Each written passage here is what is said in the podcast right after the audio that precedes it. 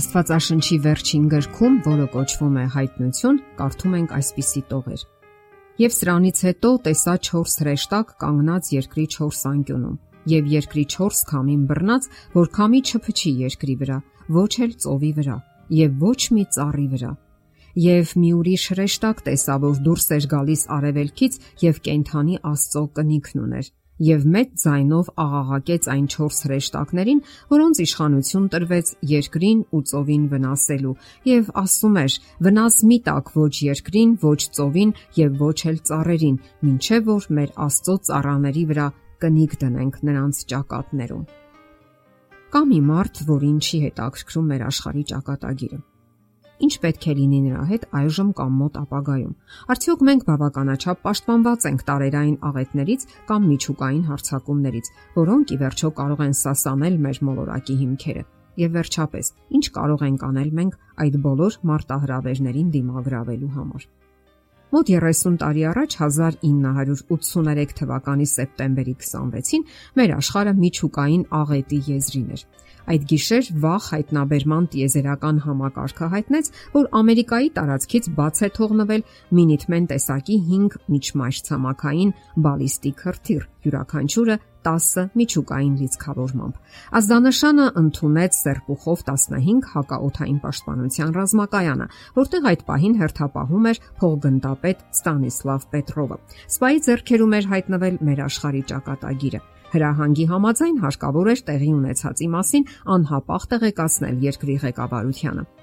Իրավիճակը աշխարհում բավականին նյարդային էր։ Դրանից 1 ամիս առաջ Սախալինի վրա խփվել էր հարավկորեական Boeing 747 մարդատար ինքնաթիռը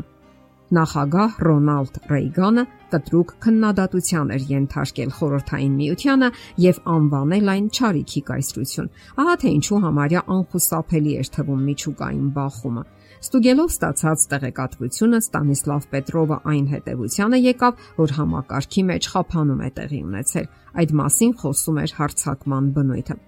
Առաջին հերթին հրթիռները մեկնարկել էին մեկ կետից։ Երկրորդ, դա բավարար չէր առաջին հարվածի համար։ Փողգնդապետը անտեսեց հրահանգը եւ հայտարարեց կեղծ տագնապ։ Հետագայում ողջվեց, որ արբանյակի ընդունիչները հրթիռների տեղ էին ընդունել արևի ճառագայթները, որոնք արտացոլվել էին բարձր ամպերից։ Տիեզերական համակարգը վերակարգավորվեց, իսկ միջադեպը մնաց գաղտնի։ Իսկ տեղի ունեցածի մասին աշխարհն իմացավ միայն անցյալ 100-ամյակի 1990-ական թվականների վերջերին։ Մի քանի տարի անց 2006 թվականի հունվարի 19-ին ՄԱԿ-ի գրասենյակում աշխարհի քաղաքացիների ասոցիացիա հասարակական կազմակերպության ներկայացուցիչը Ստանիսլավ Պետրովին հանձնեց երկրագունդը պահող ձեռք փորագրությամբ մի բյուրեղապակյա արցանիկ։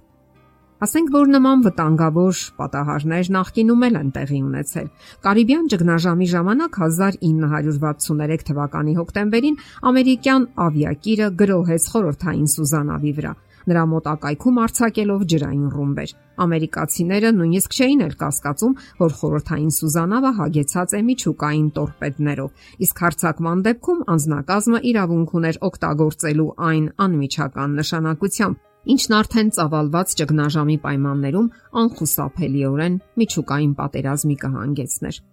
Սակայն տորպեդը բաց թողնելու համար պահանջվում էր 3 սպաների միաձայն որոշումը, սակայն նրանց միջև վեճ ցակեց եւ նրանցից ոչ մեկը չտվեց իր համաձայնությունը։ Միջադեպը հարթվեց։ Այսպիսի միջադեպեր բազմիցս տեղի են ունենում աշխարը ցնցումների մեջ է։ Դիվային հողմերը շարունակում են սասանել երկիր մոլորակի փխրուն խաղաղությունը զինված արյունահեղ բախումները ուղեկցել են մարդկությանը նրա գոյության բոլոր ժամանակներում։ Սակայն միայն վերջերս է նա հնարավորություն ձեռք բերել ոչնչացնելու ինքն իրեն։ Այսօր նա միջուկային զենքեր է հորինել եւ կար ժամանակ, երբ սпарնալի ձայներ էին հնչում միջուկային պատերազմի հետ կապված։ Միջուկային գերտերությունները սпарնում էին հարվածել միմյանց եւ ոչնչացնել թվում է ուր որը պատերազմական ալիքները ողողելու են երկիրը եւ դա լինելու է վերջինը եւ ճակատագրականը։ Սակայն վերոհիշյալ Աստվածաշնչյան համարը որոշակիորեն ասում է, որ Աստված պահպանելու է երկիր մոլորակը ինքնավոչնչացումից, որովհետեւ նրան այլ ճակատագիր է սպասվում։